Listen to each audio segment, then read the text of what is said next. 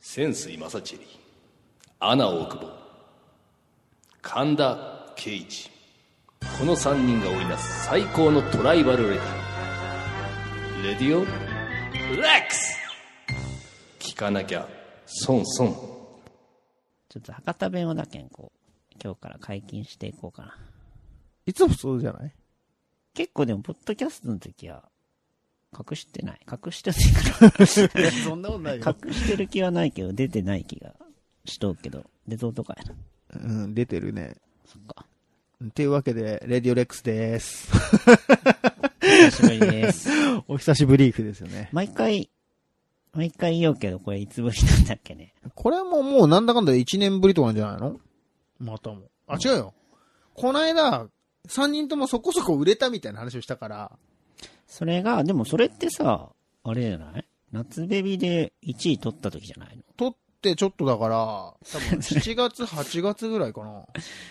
でも8月とかないつだろ神田くんの本が、だってあれ、だから、もしそばの第一弾出てた時やろううん。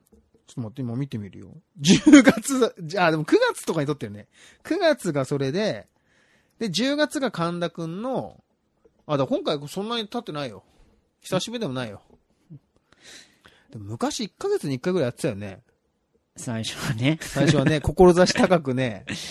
今、さ、なんか昔のログを見るとさ、はい。す、すごい頻度でさ、ちゃんとやってたよね。コーナーとかさ。そうだよ。な、でもなんなら今より忙しかったんじゃないかって感じもするけどね。いやいや。今の方が忙しい。あの頃だって俺、働いてなかったもん。そそれそうかそれは、それを言えば。そうか。逆になんか今は俺はほらさ、その、会社員みたいなのから解き放たれたじゃない。そっか、社長にななんっかた逆にその時間の自由は聞くようにはなったからさ。でも結構なんかさ、そう考えるとさ、いい、あれよね。記録よね。 いい記録っちゃ記録え、なんか、さ、その3人でやっててさ、うん。ま今トータルで何30本ぐらいあんのかなどうかな今、まあそれぐらいあるかもわね。からん4年とかうん。分あるやろ、うん。で、1人はさ、中華料理屋のアルバイトから さ、オリコン1位を取るクリエイターに。 2回撮ったからね。そうそう、なあの後もう1回撮ってんもんね。あ、そうよ。あの後もう1回ね、あの、コールミータイトっていうそ曲う。リリで、カルスクールの2段シングルで、第2弾シングルでね。これもオリコン1位取らせてもらってさ。そうだよ。で、1人はさ、まあ、ミュージシャン、でももうミュージシャンやけどう、ん。社長になったわけ言ったら。あ、それ俺ね。 ね。サラリーマン兼ミュージシャンから、いや、これでもさ、いや、今はいいけど、うん今はこうやって笑って話してるけど、なんかさ、2回後ぐらいにさ、いや、潰れてさ、っていう話になってた時にさ、なんか、あの時にいい話とか話してたの何だったんだろうって話にはなるよね。いや、でもなんかそれがこう、一個のポッドキャストでずっと、まあだからあと、今日までいないけどね、神田くんそうはそ、うそう。なんか今、なんかしれっと2人で話し始めちゃったんだけど、そうなんだよ。神田くんは今、台湾に。台湾にね。あの時もでも始まりはさ、まあ、言うたら台湾がどうたらとかって話をちょうどした頃だよね。あ、してたか。で、すぐ台湾スペシャルがあったんだよ、多分。そっか、やってたやった。でもさ、なんか最初らへんとかかん、やっぱその俺と潜水くんがメインでさ、うん。神田くんはその放送作家みたいなさ、そうだねうなずくだけみたいなうさ、ん。立ち位置やったよ。それがもう今やさ、売れっ子作家になってさ、そうそう。もはやなんかそ、あいつのスケジュールで俺らが、いやでもこれがすげえ不思議なんだけど、なんかさ、大体みんなさ、その、なんだろう、神田、神田が売れたからじゃないかみたいな感じなんだけど、うんでもなんか、大体神田くんからやろうって連絡くんだよね。そう、今日もね、今日もなんか、レックスいつやるのって来て、ういや、お前だろっていうの は常にあるし、でもなんか、すごい熱い感じでくんだよね。そう、この間さ、その今日久々にやるのはさ、うん。なんだっけ、神田くんがトトークショーしたのか。あ、そうそうそうそう。あの、サンデー神出さんうんうんうん。と、神出さんとのトークショーやって、うんで俺もなんか遊び行けたら行くって言ったんやけど、で、その時に、なんか可愛い女の子が、レックス聞いてますってって言った言っっていうかてら、たよっていう、なんか LINE を神田くんくれて、そう。いつ撮るのって言われて。や、だからお前だよっていうのも本当にね、二人で結構強く思うけど、まあ大人だから言わないじゃん、そんなでも、いやなんか俺はそのね、可愛い女の子が聞いてるっきっかけてで言ってるよって言って、その、 そこに、なんか、なんか24歳ぐらいの若い子うんとか言ってた時のさ、なんかそっからの俺らのさ、動きの速さがすごいよね。 いつやるって。 そして本当にもうこれ、その3日後ぐらいに収録しようけんさ。 30代後半にさ、差し掛かってさ、 まだそういうなんか初期衝動みたいなの がさ、残ってる喜びとなんか情けなさみたいな。なんかそういうのあるよね。なんかその、ソロ音源とかさう、ん。レコーディングとかになるとさ、急にね、動きが今ね。週はね、ちょっとね、とか言い出すのにさ、 これのためなら時間をすぐ作るっていうさ、ねでもまあやっぱ世界は女の子が動かしますからね。そう。うんまあてなわけで、レディオレックスですよ。さあな、だから、あの、久々にね、更新したんで、あのとはね、その結構今回ね、あの、まあこれ本当は新しい試みになるはずだったんだよね。あ、そう、だからあの神田いないけど、神田いないけど、神田が台湾の様子を現地からリポートしてくれるっていう回になるはずだったよね。そう、今だからその、今週末やろうぜっつったら、今週末台湾なんだよってまた言い出しっぺが言ってて、そう。じゃあなんか、もうこの時代だし、LINE とかで、繋いで、やれるっしょっつって。なんかその動きも早かったもんね。そう即調べてなんか、機材買ったりして。でもその時から怪しかったんだよ。じゃあちょっと一回それ試し撮りしてみようって言って、じゃあ何時に LINE 繋ごうねって言ってたら、んまあその時も神田が繋がらない と。あの野郎っていう、なんかもう結局なんかやっぱり夜になると寝ちゃうっていう神田くんがいたりとか。そう。でね、多分ね、あの人ね、言うほど忙しくないんですよ。多分。そうなん。うん。だって俺らとすごいずっとメッセとかやり取りしてる じゃん。あれ何の時間って思うじゃん。まあ、でもフリーだからね。そうそうそう。結構時間あるはずなんですよ。そうですよなんで、その、今日は、本当はもう予定では、えー、神田から電話かかってきてて、その、LINE を交えて3社で、そうですね。僕と大久保と潜水は同じ今ブースにいるんですけど、ブースっていうかね、う ちね。いいよ、ブースっていいうとこやもうそこ、そそこラジオっぽくする必要ないでしょ。もううちでいいじ ゃない。いやいや、ブーいス。や、だってさっき俺思いっきりツイッターにこれからレックス撮りますって写真アップしたか らさ。で、だから、後々、ちうんょっと電話かかってくることを祈ってね。望む、願いつつあ、れ24時間テレビみたいなスタイルってことでしょ今あかの、ら、走って、走ってさ、たどり着くかどうかはわからないみたいな。そそういうスタイルだよう、ね。台湾から。今日なんかね、ツイッター見よったら、台湾でもそのもしそばうん。が、売れてる。台湾で翻訳されたってことあれ。どうなんだろうね。現地にでもなんか好きな人がいいんじゃないやっぱその日本語も読めてみたいな。うーん、なんか不さ思議すよ、がにね。まだその翻訳とかしてないし、翻訳しても面白さ伝わるもんかどうかわかんない書籍だからね、あれは。そうよね。でも、うんえ、でも、もしそばの、えって台湾のもしそばみたいなこといや、じゃなくて日本、よ洋書みたいな感じなんじゃない洋書買うみたいな。ああ、日本語のままあ、ってそうこそとうそうか。そうあそう。まんまのもの読をめ買る子は結構っいた。るそ人うだそうってそうそう。こだかとか。ら向こうのほら、製品館書店って結構さ、そっかそっか。ブルータスとかポパイとか置いてあったじゃん。そう、それもあ、それで言ってんのか知らないですけどね。今日、それでなんか台湾で社員サインとかうん社員をね。してた模様なんで、引き続き、 はい神田はね。でね、なんかね、今回がちょっとね、まあ、今回特になんだけど、うん。ちょっとお試しで、あれだよね、もう取って出しにして、今までみたいな編集やめようとうん。いう話をちょっとしてたんだよね。まあ、トーク次第かな、今日の。いや、でもそれちょっとやってみようよ。結構、言っちゃいけないことを言っちゃうからな。いや、それはね、そういう時だけカットすればいいよ。そう、だから、だそこでこう、ブレーキをかけたくないよね。何どういうことえ ああ。だからこう、喋りつあつ、違うだから、編集はあるよっていうことでう、ん。話して、そうだから編集はあるよって思うと、何でも言っちゃうんだよ。だから何でも言っちゃうテンションで、やりゃいいんじゃないの別に。だから結果、せん編集が必要になってくる。もうそれじゃあ俺、俺がこれから編集担当になるよ。したらなんかちょっと、俺がモテなくなるとこ削らんやろ。 そんなこすいことやってたの今まで基本ね、全部編集担当俺やったから、 でもさ、実際さ、このレックスをやってることによりさ、うん。なんかその、レックス聞いてますっていうのはあるけどさ、モテにつながった件っていうのないよね。まあ、モテには繋がんないけど、なんか基本的になんか俺らのその、情けなさっていうかさ、その、エロさみたいなとこもさ、結構にじみ出ちゃうじゃないこれ。そうね。結構、まあでも結構、どう、どれぐらいの人が聞いてんでしょうね。いや、それ怖いよ。本当にブラックボックスのやつだよね。なんか結構俺本当にあのガチの、ガチのっていうか、本当にアナのファンっていうか、は、なんかそんな聞いてないような気がしてて。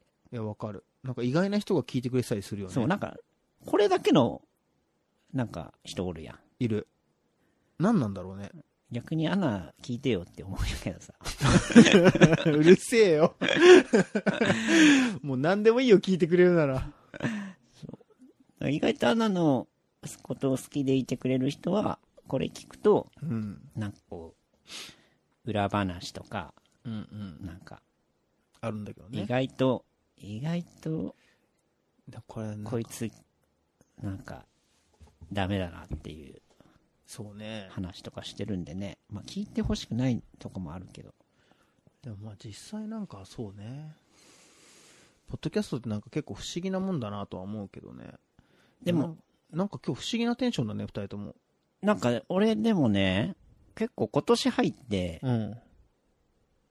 なんか、去年人人生でさ、こう、ターニングポイントじゃないけどさ、結構変わった時やったじうん。うんゃん。なんかね、今、マインドが結構ずっと違ってて、うん。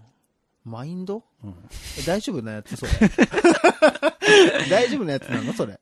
え、違う違う、だから大丈夫大丈夫。だけどなんか今ね、何マインドってなんか怖いよ、俺。急に。マインドとか言われると。違う違う、何も大丈夫大丈夫。うん。 えなんか去年と多分全然ね、人間が違何何どうしたどうしたのう。 新たな大久保になった気がするけあん。 ニュー、なんか大家くんと喋ってるみたいだね。新大久保ですよ、新ね。大久新大久保になった気がするけん。保。はい。なんか、なん、何の話しようと思ったとかないのあ、もうやばいじゃない、マインドが。だからなんかね、吹っ切れ、吹っ切れたものがあるんじゃないかな。ああ、なんかこう、いろいろ楽になった部分があるみたいな感じそうそうそうそう。ななんんかか、その無理しなくてもみたいな。うん。去年までは、去年まではっていうかなんか、その一個前の大久保の時は、うん。一個前 の大久保の時はもう 何の話だよや。っぱこう、方向性迷ってさ、ああ、なんかそれはわかる気がす自るわ。分をこう、こういう風にしなきゃみたいなのにこあ、そうそう。だってそもそもで言うと、一番最初の頃とかってう、う、ん。割となんだかんだ言って、ないって言いつつも NG もあったじゃん。あったあった、超あったよ。うんめっちゃ編集、だって2時間ぐらい撮って1時間にしとったけんね、あ、そうか。最初の頃とかって。その頃に比べるとなんかその NG もないし、楽ちんな感じがするよね。うん。なんかね、そう、最近ずっと言っちゃうけど、人格をね、うん。一個にしたいっちゃ。え、大丈夫なやつなのそれ。 もう。ね去年まではさ、コピーライターとか、うん。音楽の仕事もやってるんやけど、うん。アナの大久保と、そういうなんか、ああ。仕事の大久保がおる。あでそれがもうなんか疲れるしきついから、両方楽しいんやけど、なんか一個の人格で全部やれるようにしたいですねっていう。あ。それは、でも、俺がずっと苦しんできたことかもしれないね。そう、最近どうでも、それできてる。え、最近そういうのね、なんか何も考えなくなった。あ、だからでもできてるってことやね。そう、多分なんだけど、それをなすには、やっぱこの、あれだよね、死んじゃうかもって思わないとダメなんだと思った。え どういうことなんか、 いや結構多いのよ。ミュージシャンとかもそうだしさ、うんまあ、なんかやってる人って大体そうだし、あれなんだけど、あのー大体の人ってさ、結構やっぱこう、今、この SNS 全盛の時代にさ、うん。結構、構みんな自己ブランディングとかしてると思うんだよね。超やるね。でしょ、うん。で、多分それをやっていくとやっぱ分裂していっちゃうと思うんだよね、自己がね。うん。人によるけど。うん。で、なんか俺は多分割とあんまりそこ何も思ってなくて、で、なんでかっていうと、自分でその会社とかやり始めましたとか、なんかやってますってなった時に、なんかその、会社員とかっていう感じじゃないからさ、うん。なんかあったらさ、一発アウトで死んじゃうなと思ってるのよ。うん。ななんつうんだろう。要は今の生活ではなくなるじゃない。うん。いきなりね。うん。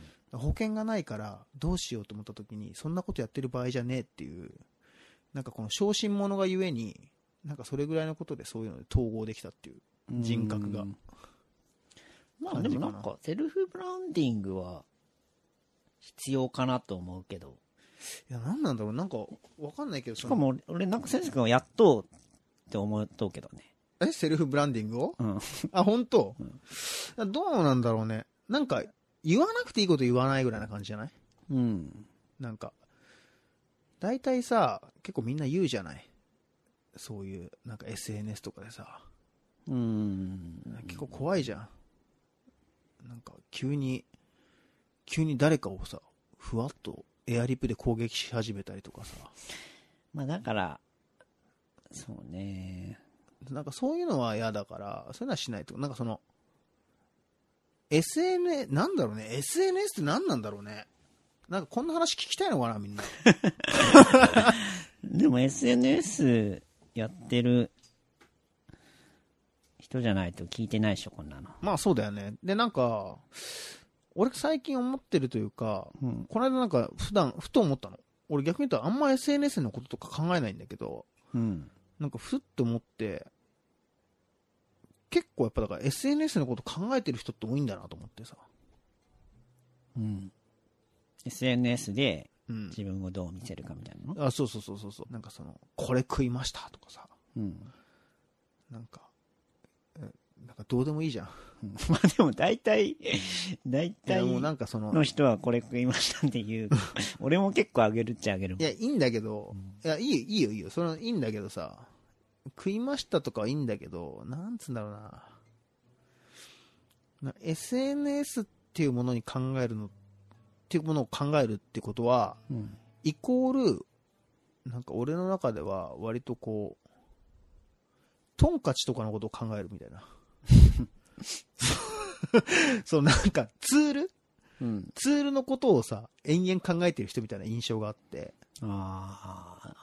でも、なんか俺は結構、トンカチなんか別に売ってりゃよくねって思ってんのよ。なんか、その、で、それを熟練してきたりして、うん。こっちの方が釘が楽に入るみたいなのはいいかもしんないけど、そんなにずっとトンカチのこと考えますかっていう。でもね、ブルゾン・マサチェリーは思うわけよ。 考えますかと。トンカチじゃないんじゃないだからな多んかくの人には。服なんじゃない服。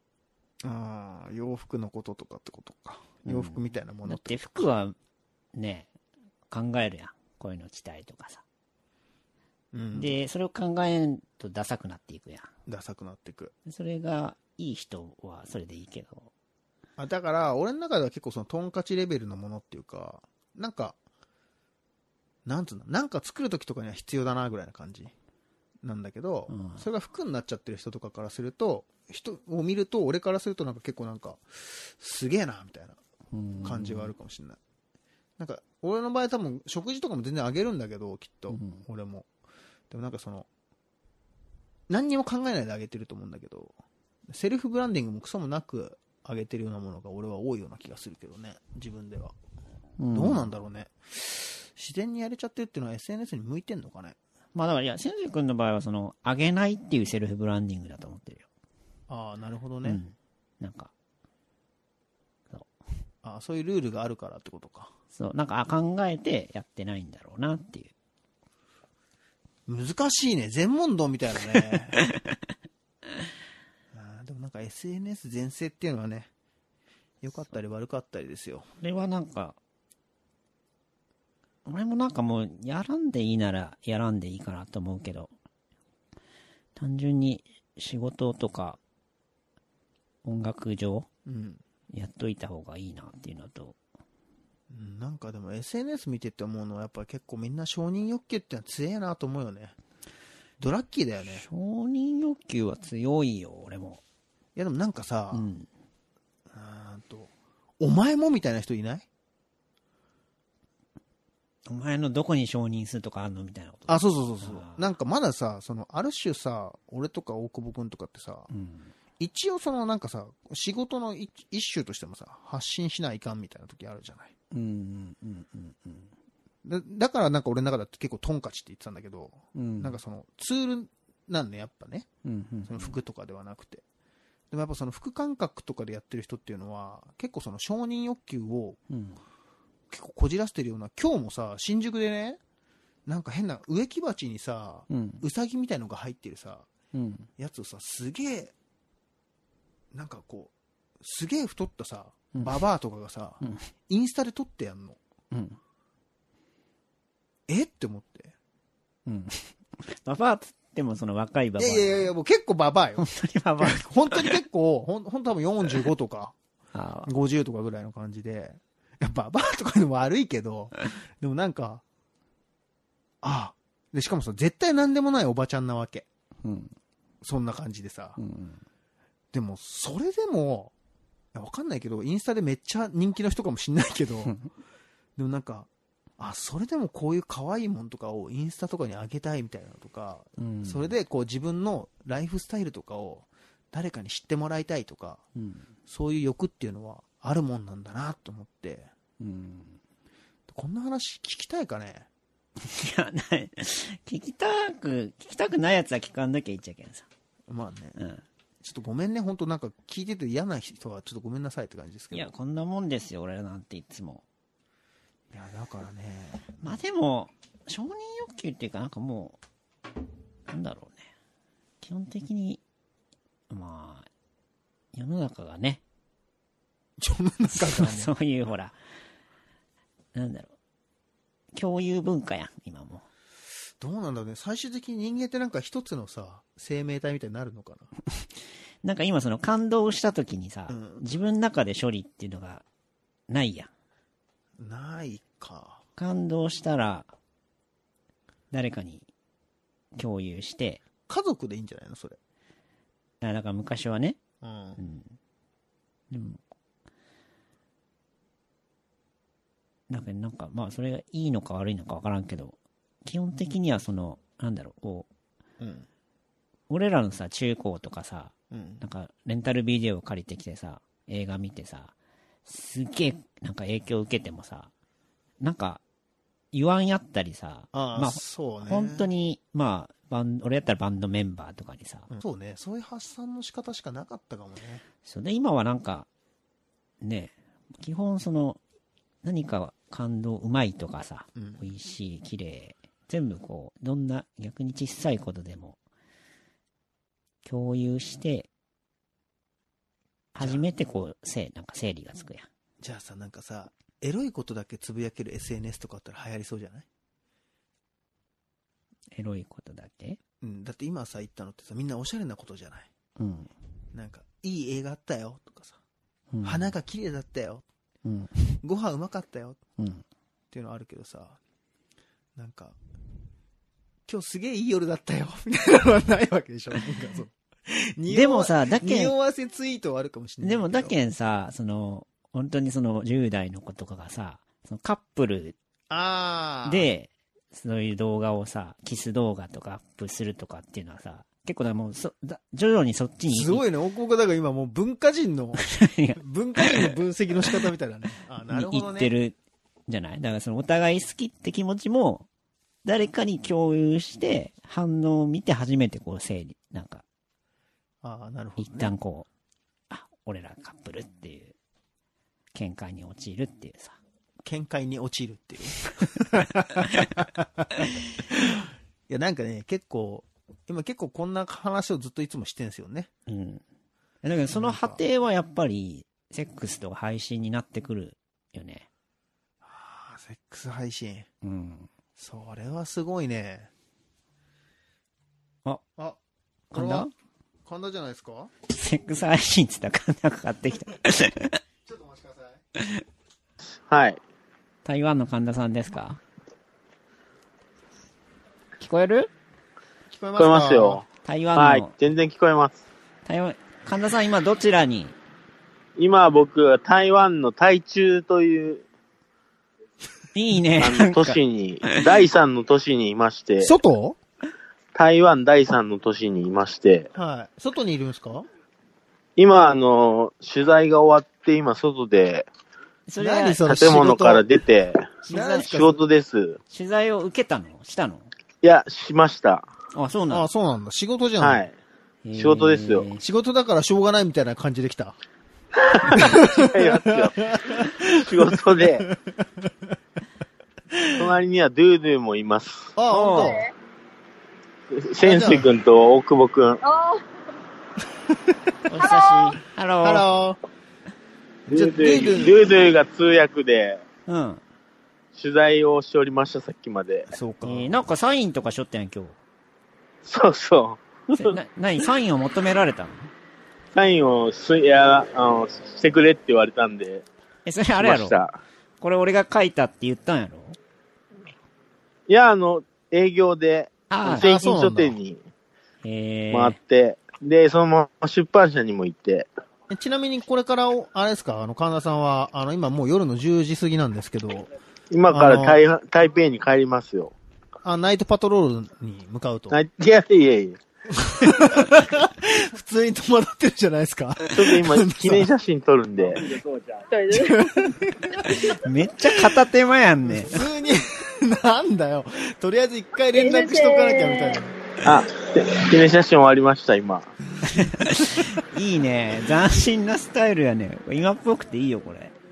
え今だからもうさ、神田くんから連絡ないからしょうがないから、大久保くんと二人でさ、いつもみ撮ってたいなのそうよ、もうこれ始まってね、もう20分ぐらい喋ってる。マジでそうそうだよ。でもね、神田くんいないと結構話がスルスル盛り上がる。て か、いつも通りすぎてでも、なんか、ポッドキャ神ス田ト不で、要論やめてよ。じゃあね、ポッドキャストで配信してもしょうがない感じにはなるよ ね。ずっと、いつも通りの話をしてるって感じ。マジかよ。そうなんだよ。いや、まだね、うん何にもやっておりませんよ。まだ。台湾。台湾らしいことを。今もう仕事ばっかですよ、だから今。今日、今日行ったのまだはっちゃけてないです。今日、今日行ったんだよね。今日、今日の朝着きました。うん。どれぐらいいるの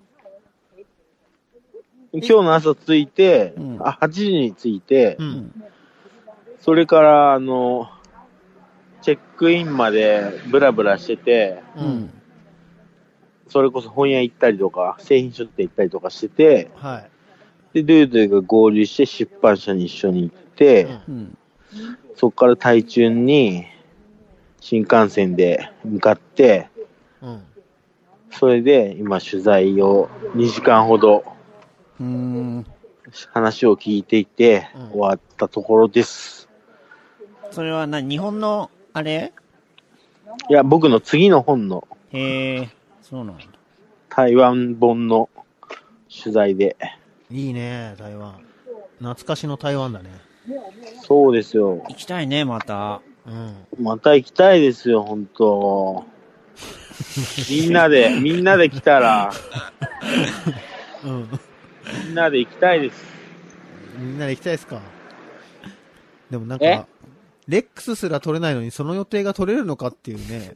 取れますよ。一一末の不安があるんですけど、こうやって来てるじゃないですか、僕も。さっき神田くんへの一応なんか話はしてみて、まあ大体熱い気持ちを語ってくれるのは神田くんだと。でも来ないそのうでもす、よ。でも来ないのも神田くんだ と。あははじゃないんだよ。あははじゃないんですよ、神田さん。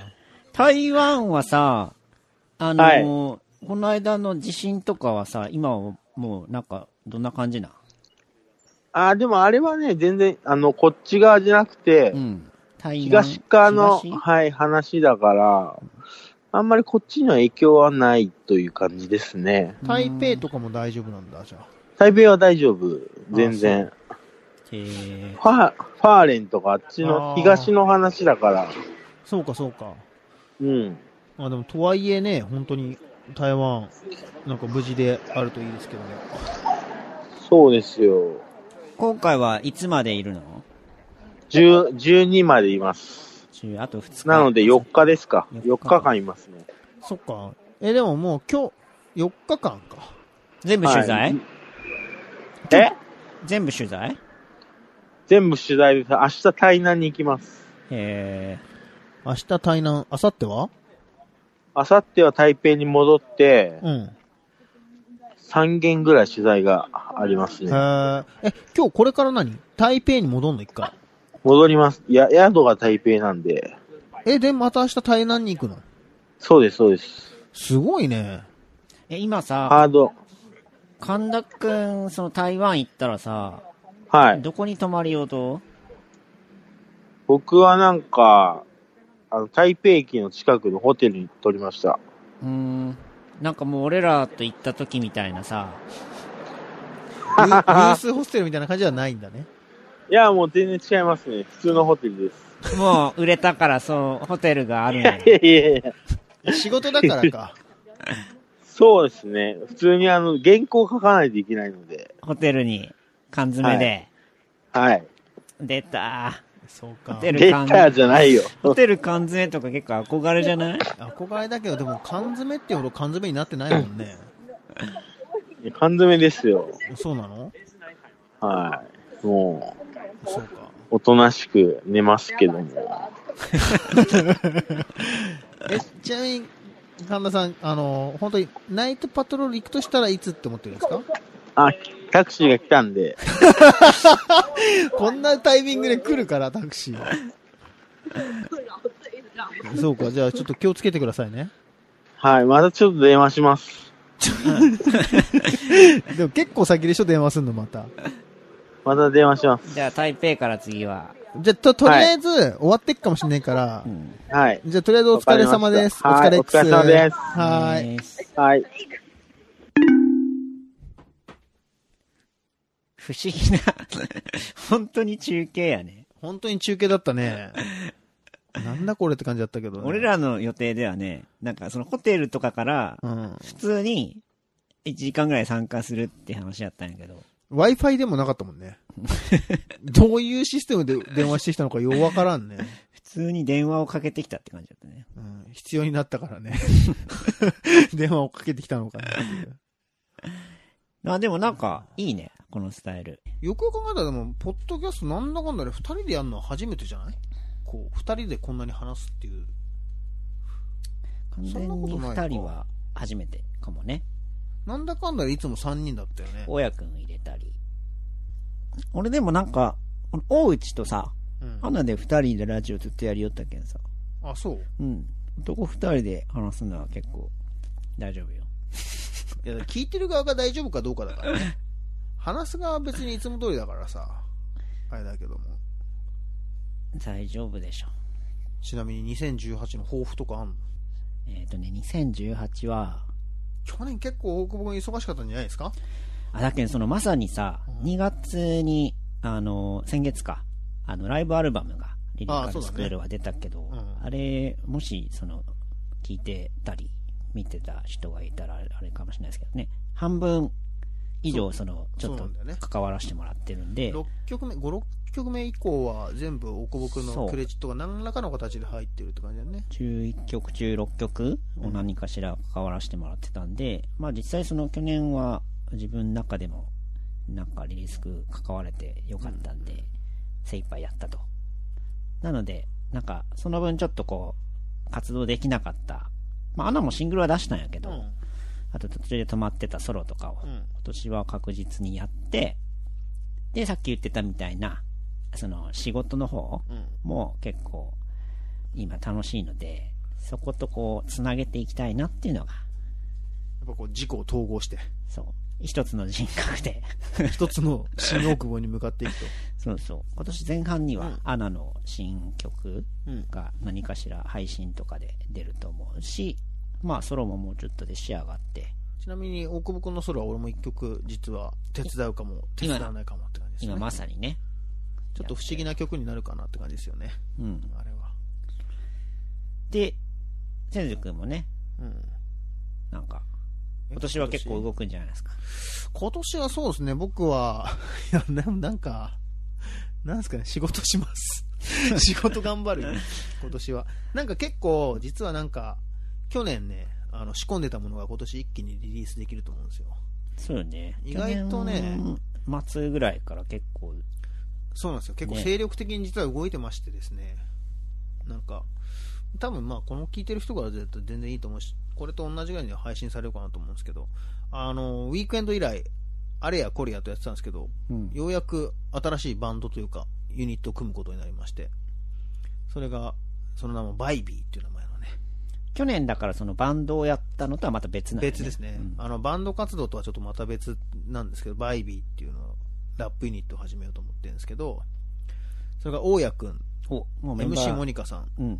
プラス、あと2人、面白メンバーがいるので、 4人。交互期待、4MC でやります。でもね、今10曲も本当にレコーディングも全部終わって、マスタリングも終わって、っていう状態なので、ちょっとなんかね、最高の40代に向けて走り出すぞと思ってるんですよ。もう秒読みやもんね。いや、秒読みだよね。でもね、俺思ったんだけど、なんか、やっぱ40代に向けて用意していくっていう感覚がね、やっぱないとやばいなと思ってて。いやーなんか俺40代っなんか大久保君、昔40になったら死ぬとか言ってたよね。ていう予定あった。てかよん40になったらっていうか、 40まで生きないって思ってたって感じ。うん。生きないというかなんか、あのー、何かしらそのなんか問題があったわけじゃなくて、うん逆にその怖くて考えてなかったってことかな。うん、40, 40を、うん。いやだから要は80とか、まあみんな家族も元気やから、うん、なんか、80とかまで生きるって思ったら、さすがにその30とか迎えた時にさ、30の頃とか俺本当もう今は言うけどさ、もう月収6万とか7万とかでさ、新大久保すごいね新大久保全部、全部言うね。いや、うそ、んそういう時代じゃないですか。まあそうだったね。そんなやつがさ、家賃払えねえとかそ言うう。家賃とかも昭和、昭和の話なのそれはみたいな感じ、滞納しまくってさ、それが。が、あの、やっぱ怖いやん。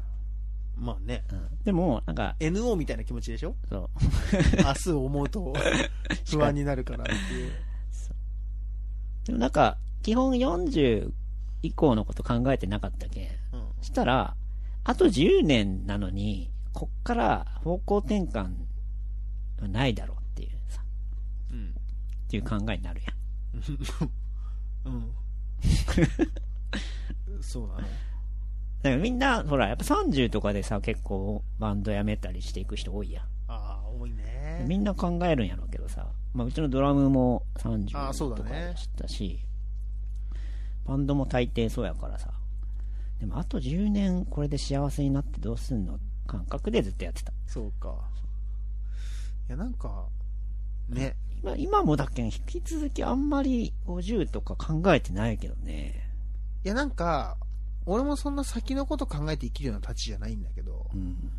単純に用意していくっていうよりは、うーん、なんか落ち着くパターンってあるじゃない。うん。 30後半ぐらいから。うん。表現的にも。うん。な人生的にもさ、やっぱこう家族持ってとかさ、なってきた時に結構その落ち着いていくぜみたいなパターンはあると思うんだけど、うん。なんかその、そうじゃないとこ見せたいなっていうのと、うん。なんかちょっともうちょっと面白い人生があるんじゃないかなと。あるでしょ。まあ、これ以上面白くしてどうするんだっていう感じもあるけどもさ、うん、なんかまだね、いろんな角度から遊べるんじゃないかなとは思ってるので、まあ、ちょっと今年もその引き続きそういう準備を。この間だって二人で飲み行ってさ、うんあのバー、共同のバー入ってさ、そうそう、初めてね、うんわけわかんないバーに行ってさ、でなんかそのマスターがね、うん、ちょうど40何歳かやったよね。 40とか言ってた気がするね。で独身でさ、なんかこう、偉そうに自分の恋愛観とか語りよったよね。語ってたよな、結婚ってのは、って未婚のくせに。あとなんかその、 なんかね、浮気は、あの、バレなければ、優しさなんだよ、とかいうさそ、うなんかもう、こすり倒されたような理論を さ、 いや、わかるわかる。あやばかった。で、なんかその、俺、俺自由だからみたいなこと言う言う人だったもんね。そう、で、カウンターだけのバーでさ、で、結婚してないのが俺とマスターと、ぐらいやっただよね。あとみんなバツイチだったんだよね。とか、まあ、結婚しとったわけで、でなんかその、考えたときに、今数年後これに一番近いの俺なのかってさ、嫌だなって思ったの嫌だよね。いや、だから本当だから、うんそれちゃんとしとかないと、僕も恋とかについて歌えなくなってくってことなんです、多分。そうね。要は今、あの、ほら、ほぼ日にもさ、うん。記事が載りましたしさ、うん。なんか。あ、そう、それもあった。そうそうそう。そう、今、あの、ちょっと、久々なんであれですけど、ほぼ日に僕の歌詞のね、うんインタビューが載ってる。ツイッターのトップに置いてるんで、よかったら。それぐらいは皆さん検索できると思うんでよろしくお願いしますなんだけど、まあ、そのね、なんだ、恋愛恋愛とかをさ、うん。語っていくときにさ、なんか結構そういうその、ほん、本当にさ、うん。独身でどうこうとかってなったときにさ、うん。結構歌いづらいことってあるんだなっては思うよね。ああいう人を見ると。うん。そのなんか、なんつうんだろうな。だから大久保くんが好きな人で言うと、そのウディ・アレンとかさ、うん。誰でもいいんだけどさなんか結婚しようが別れようがいいんだけど、うんなんかその歴史が見える人だからさうん。なんか説得力があるからさでいくつになってもそういうモチーフでやってもいいと思うんだけど、うん。なんかそれが見えない人だと結構きついんだなって思うよねああいう人見るとなんだっけトシちゃんじゃなくてなんとかちゃんとか言ってたよね自分のことねなんかあのあ。 なんなんとかはすげえ自由だからみたいななんか言ってた な。んかそんな感じだったよね。 俺ってすごい自由な男だから、みたいな。だから、いや、だから全然なんか浮気とかもしてもいいし、みたいな。でもそういう口調でさ、あ、やべえな、こいつって感じだったよね。バーのマスターってなんなんやろね、あれ。 うん。すげえ上から来る。くるくる。あれ、上から来るしなんか何の中身もなかったしね、本当にね。うん。まあ、もっといい店もあるんやろうけど。そう。そんな感じで。だ本当はこのテンションでずっと話してたのにもかかわらずさ、うん。なんかそこ行ったらね、なんかそいつらめっちゃ絡まれてね、いくつとか言われて。なんか、えー、っと、じゃあちょっと年齢当てよっかっておめえうるせえな、みたいなさ。結構静かに飲みたくてバー行ったのにさ、ねそんな感じでさ。ねえ、あれ今日きつかったよね。まあ、てな感じですかね。そまあでもいいんじゃないですかね。いい、いい流れではあるんじゃないですか本当う。ん何がなんか最近のその、新大久保。いや、なんか、そうね、今年は、今年はっていうかなんか、いい、いい流れにしたいなと思ってますよ。まあいい流れで、ですしといねう。かなんかこう、もう一回モテたいなって思う。いやそれはね、俺もすごい思うよ。なんか、そうなんか逆に言うと俺は人生的にモテたっていう時期が全くないから、うーん、そうなん。そうなんだよ。だからちょっとなんかこう、そういう気がある人はぜひ話しかけてほしいなと思う今いろんなツールがあるじゃないなんかさ、で DM くれてもいいんだよって、ね。 DM でもいいし、ツイッターで。先生君はツイッターしかやってないけどね。ツイッター、フェイスブック、あ、そっか、Facebook やってるか。インそうスだタねはやってない、インスタやってないんですよ。よ。だからなんかまあ何でもいいです。もう LINE を、あの、大久保くんつって聞いてくれてもいいです し、本当に何でもいいですよ。なので、そんな感じですかね。うん。こんな感じでいいのかなまあでも多分大久保くんと俺がいつもなんか普通に飲んでる時のテンションよね。そう、これなんかだい結だ構ん普通結に。構普通にこの感じで話してるよね。うん。でそこうねれが延々、あの3時間とか続くのが僕らの。だけんさ、やっぱりこう、これをね、生配信にしたら、うん。なんか多少ないとも質問とかくれると思うじゃん。くれるかないや、なんか、えじゃあちょっと、分かった。分かった分かった。これ、うんこのポッドキャスト聞いた上で、二人とかでいいから、うん。生配信希望とかを何らかで僕らに伝えてくれたらやろう。一回やってみようん。いや、なんかだけど、今ここでさ、ツイッターとかに、質問ありますかとか言っても誰もくれんじゃん。う。うんだけど、実際これその、まあ言ったらその、インスタライブじゃないけど、あ、だから本当にそのもう、これをインスタライブで俺がやっちゃえばいいんだよ。うんまあいいんじゃない 全然いいけど、いや、ちょ、じゃあ配信自体はいいのよ。うん。配信自体は俺はいいんだけど、いや、インスタやってないじゃん、千塾。インスタやってない。だけんさ、インスタライブの感覚とか見たことないっちゃろない。あじゃあ俺インスタやるか、今から。あ。なんかね、後発組だあ、けど。でもやらんでもいいけん、そのアカウント作って、普通になんかその、まあ、言ったらリリースクメンバーとか、最近だとね、誰、なんか普通に結構みんなその配信をやりよってさ、あ、そうなんだ。そう。ごめっちゃんとかも、配信はやってないけど、このストーリーっていうのをよく上げてるからさ。そしたらなんかね、この生で結構、お神田くんいや、まだね。まだやってるよ。あ、やってるうん。はあ、もしもーし。あ、もしもし、いはい。神田です。 神田以外、繋がねえよ。 神田くんっていうのは分かってますよ。ちょうど今エンディングトークを今撮ってたとこですよ。あ、そうですか。はいなん、か、今ねう、ん。新幹線の駅に来まして、あれ、新幹線。あだから大抵新も幹線です。はあはあはあ台北に戻ります、今かちょっと今ね、ら。うん次。回から、まあ、収録はしつつ、あの、配信して、うん。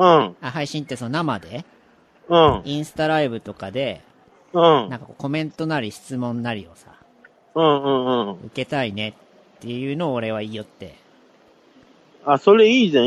ツイキャスあ、ツイ、でもツイキャスって結構やってる人とやってない人いないあでもそうだねまあでもまあツイキャスみたいなのがインスタでできるらしくて、うんうんう今ん。それやるかっていう話になったんだけど。あ、そうだ。インスタもできるんだよ。インスタそ普う通そうにそラう。イブで放送しちゃえばいいかなっていう。うん。で、それやってもいいんだけど、うん。そんな人数とか出るでしょ、多分。出るね。なんか、それが、本当1とか0とか、クソ寂しいじゃない、いや、そこそうだね。違うのよ。それね、大久保君そう言うじゃ ないじゃあ、それ、ウィークエンドの時にやってたラジオが配信型だったんだけど、うん。毎回聞いてる人1人とかだったの。いや、でもそんなん当たり前よ。でも、ブース側には7人とかいトイる。レあるかな下うるせえよ 何の話してんだよ、神田君。 だから、なんかそういう悲しさがあるからう、ん。だから、俺が神田君提案してたのは、うん。その、俺らがじゃあこの、今この話してるやつをね、配信して、で、ツイキャス希望みたいなのを、ツイキャスっていうかその、配信希望っていうのを、生ね。はいはい生、生、生中継希望っていうのが、まあ2件から3件ぐらい最低来たらやろうかって話にしたんだけど、なるほどね。どう思いますかだって、聞いいてるや、俺人でもがなんか、インスタ配信今結構やってる人いるから、いいかな流行り、流行りに乗っといた方がいいんじゃない神田くんってインスタやってんのインスタやってるよ、俺。あ、マジか。やってんだよ、世界のポッケだけど。あ、じゃあちょっと俺もインスタやるわ。インスタやってますよ。レじゃッあちょクっス、レックスアカウント作るか。あ、そうだね。レックスアカウントを作ろう。インスタはね、なんかこう、おじさんの、おじさんのポッドキャスト感すごいね。 これからはインスタだとか言って。 やばいね。やばい奴らだね、これ。うん。まあ、とりあえずそんな感じなので、ちょっとわかりま2018しのた、 2018の神田くんの抱負だけ言って終わりにしようよ。全18ですかはい。 2017はだって神田くん結構ね、結構いったんじゃないので2017は結構レックスみんな3人とも調子良かったからね。結果本2冊だったし ね。うん、 ?2018 は結婚ですよ。 あああ。あ。2018いやで結も構。俺俺も。もう神田君そこ目指していくのは違う気もするけどね。北の国からみたいな。 2018結婚。 そうか。じゃあちょっと結婚、なんかでも、結婚するにしても、け、おもろ結婚やろ。 何それなんか、なんか、ネットで見つけた人とかさ。落合福士君みたいな結婚です か結婚してみたとかに記事してみたりさ。えーちょっと神田君でもその、じゃあちょっと次回とかさ、その神田君、大久保君スペシャルみたいな感じでさ、うん。うん。なんかその二人が結婚とかできない理由をさ、あ、だからそれこそさ、なんか誰か、聞いてる女子からさ、そうね。ちゃんとこうアドバイスもらえるといいんじゃないそうだね。神田くん、その、この間トークショーでさ、うん。なんか可愛い子いたんでしょうん、いたいた。レックス聞いてくれてる。うん、うん。これ多分、おそらくこれも聞いてくれるはずやから。そうそう、だって言ってたもん。それだから配そ、信ないんですかって。その子のためにね、今回はやってるから。 そうか。じゃあちょっとね、生中継もちょっと視野に入れつつ頑張っていきましょうよ。そうだね。うん。じゃあ、3月だから4月。まあ4月かな。あとはまあ本当にね、この LINE システムを入れることにより、神田くんがちゃんとやれるのかと。やれますよ。そうだよね。体、体中からでもこんな風に連絡くれるんだもん ね。そうだよ、今もう海外だからね、俺。何を急にドヤ感出してやがるんだよ。もこの、この感じでもいいよ、神田くん、なんか。 ういいよ、いいよ。ねうん、なんかやっぱこう、片手、片手間でやってるぐらいが神田くんいいのかもね。え。そうそう。なんか多分俺らのとこに来て、ちゃんとやろうとすると、なんかその、心の中にある、なんか時間がもったいないっていう感情が、にじみ出てるもそんね。う、すごい出てるんだよねなんか、 時間がもったいない。ここは俺の輝ける場所じゃないみたいな。なんかそういう感じはあるもんね。そう。で、そこに俺らも気使ってね、あのね、あのそうだね申申し訳ない感じになるからね。なんか神田君いっやていやいやい本や当マトリックスみたいな感じなんだよ、多分。あの、仮想現実を生きてるっていうかさ、SNS 上とかだとすごい元気なイメージがあるからね。あ の、某、某石野卓球さんに絡まれたりとかもしてたし。 そうだね。石石野卓球さんとはちょっと、あの、直接対決もしたいとこだけどね。お、まあ、マジレックスは絡めないでやってくれって感じはあるけど。まあでもあれほんとね、売れた証拠ですよね。うん。ちょっと次回そのあたりもまた聞きたいので、気持ちをね。そうだね。う。うんんちょっとじゃあまた次回、近々やり、はーいやりましょはいはい。じゃあ、ではでは。う。台はーい湾。のお土産待ってまさよならす。バイバーイ。